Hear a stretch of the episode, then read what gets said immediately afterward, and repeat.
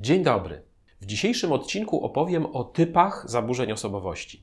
Czym charakteryzuje się osobowość paranoiczna, dyssocjalna, psychopatyczna i borderline?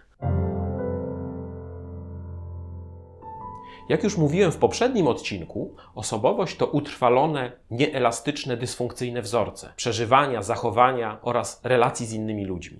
Jakie zatem cechy osobowości trzeba stwierdzić u kogoś, aby rozpoznać osobowość zaburzoną? Omówię to na konkretnych przykładach. Osobowość paranoiczna. Główną cechą tego typu osobowości jest nadmierna podejrzliwość.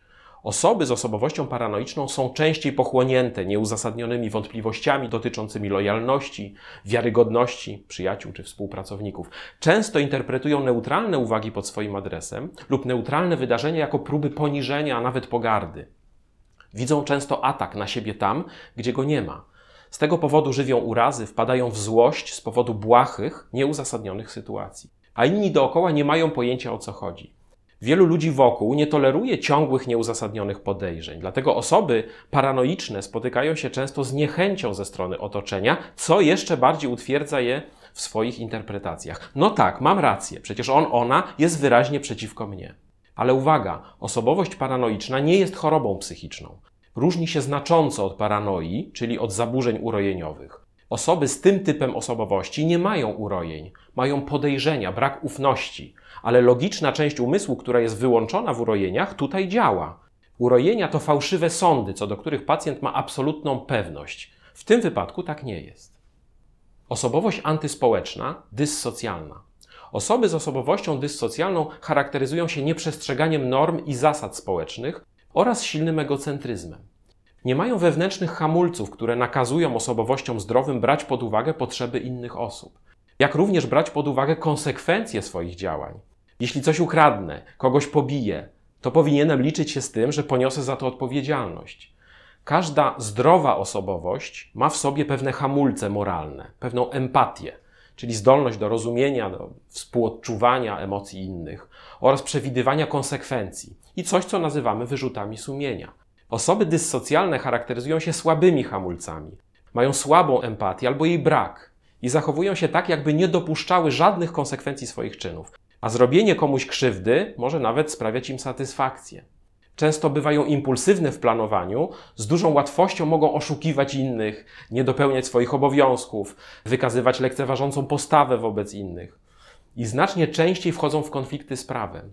Jednocześnie podczas procesu sądowego mają ograniczony wgląd w wyrządzoną komuś krzywdę.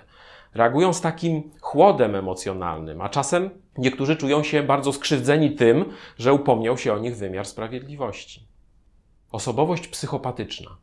Najczęściej jest opisywana jako podtyp osobowości dyssocjalnej, ale trochę się od niej różni. Psychopata również jest pozbawiony empatii, wewnętrznych hamulców, ale jest to osoba, która ma dość uwypuklone cechy narcystyczne, czyli wysokie mniemanie dotyczące swoich umiejętności, atutów oraz, i to jest cecha niezbędna do rozpoznania, ma niezwykłe umiejętności manipulowania innymi, czyli osiągania celów w sposób nie wprost, prowadząc pewną grę, która często jest z góry zaplanowana. Psychopacie zależy tylko na własnym sukcesie. Jeśli ma on wysoki iloraz inteligencji, to wtedy jego metody działania mogą być wysublimowane. Człowiek taki może być niezwykle czarujący dla otoczenia. Często robi oszałamiające, pozytywne wrażenie, ale przy bliższym kontakcie okazuje się, że wszystkie jego zachowania, wypowiedzi służą osiągnięciu jego własnych celów. Jeżeli kogoś chwali, to w określonym celu. Jeżeli jest taka potrzeba, to będzie też groził lub szantażował itd. Tak Psychopaci częściej niż ogólna populacja wchodzą w konflikty z prawem. Historia kryminologii zna wielu seryjnych morderców psychopatów, chociaż większość prowadzi normalne życie. Zdarza się, że są menedżerami, właścicielami firm, politykami. Jeśli psychopatą jest osoba publiczna, to na zewnątrz jest to człowiek czarujący, mający wiele sympatii i poparcia, jeśli to polityk. Dopiero przy bliższym poznaniu, albo gdy rozmawia się z jego bliską osobą, albo bliskim współpracownikiem, to wyłania się drugie oblicze.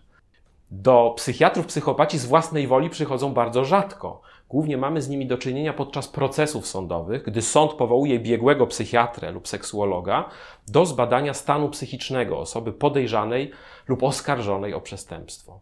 Czasem do gabinetu przychodzą osoby, które mają partnera lub szefa psychopatę, przynajmniej tak wynika z ich opisu. Ponieważ diagnozy na tej podstawie stawiać się oczywiście nie da. I są przez tego psychopatę dręczone. Bardzo dobrymi przykładami osobowości psychopatycznej w kulturze masowej są postaci Franka Underwooda i jego żony Claire z serialu House of Cards. Zaburzenie osobowości typu borderline, inaczej osobowość z pogranicza.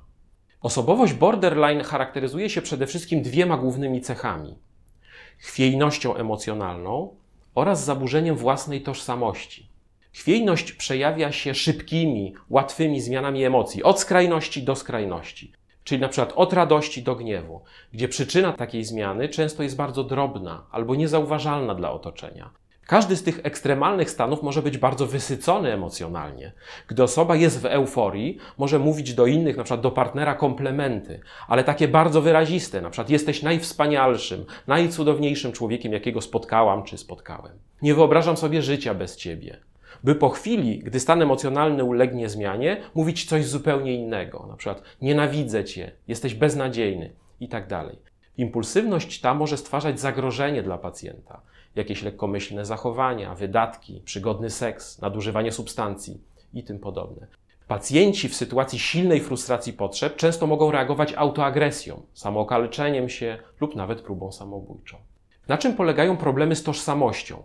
Osoby z osobowością z pogranicza mają bardzo często niestabilny, niespójny obraz samego siebie. Zarówno tego, kim są, kim chcieliby być, czasem występuje również problem z tożsamością seksualną. Wtedy osoba taka ma skłonność do eksperymentowania w tej sferze.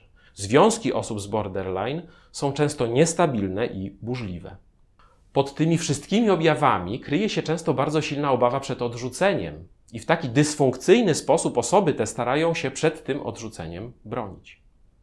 Dziś podałem Wam charakterystyki czterech typów zaburzonej osobowości. Często zdarza się, że cechy osobowości zaburzonej są mieszane, nie spełniają kryteriów konkretnej charakterystyki. Wtedy rozpoznajemy mieszane zaburzenia osobowości.